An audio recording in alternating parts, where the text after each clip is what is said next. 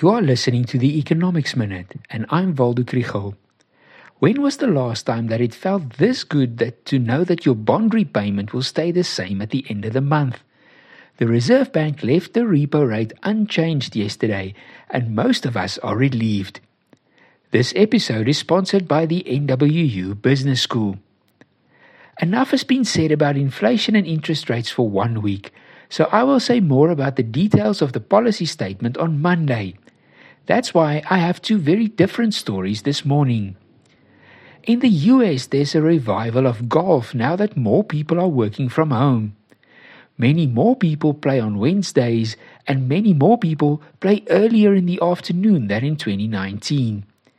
The researchers involved find that most employees make up the time later, and productivity does not seem to have decreased.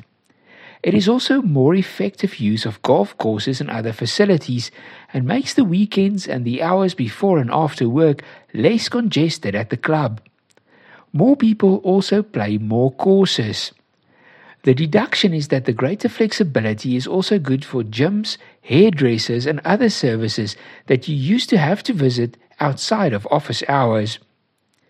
In the art world, the Artex Stock Exchange was recently opened in Liechtenstein.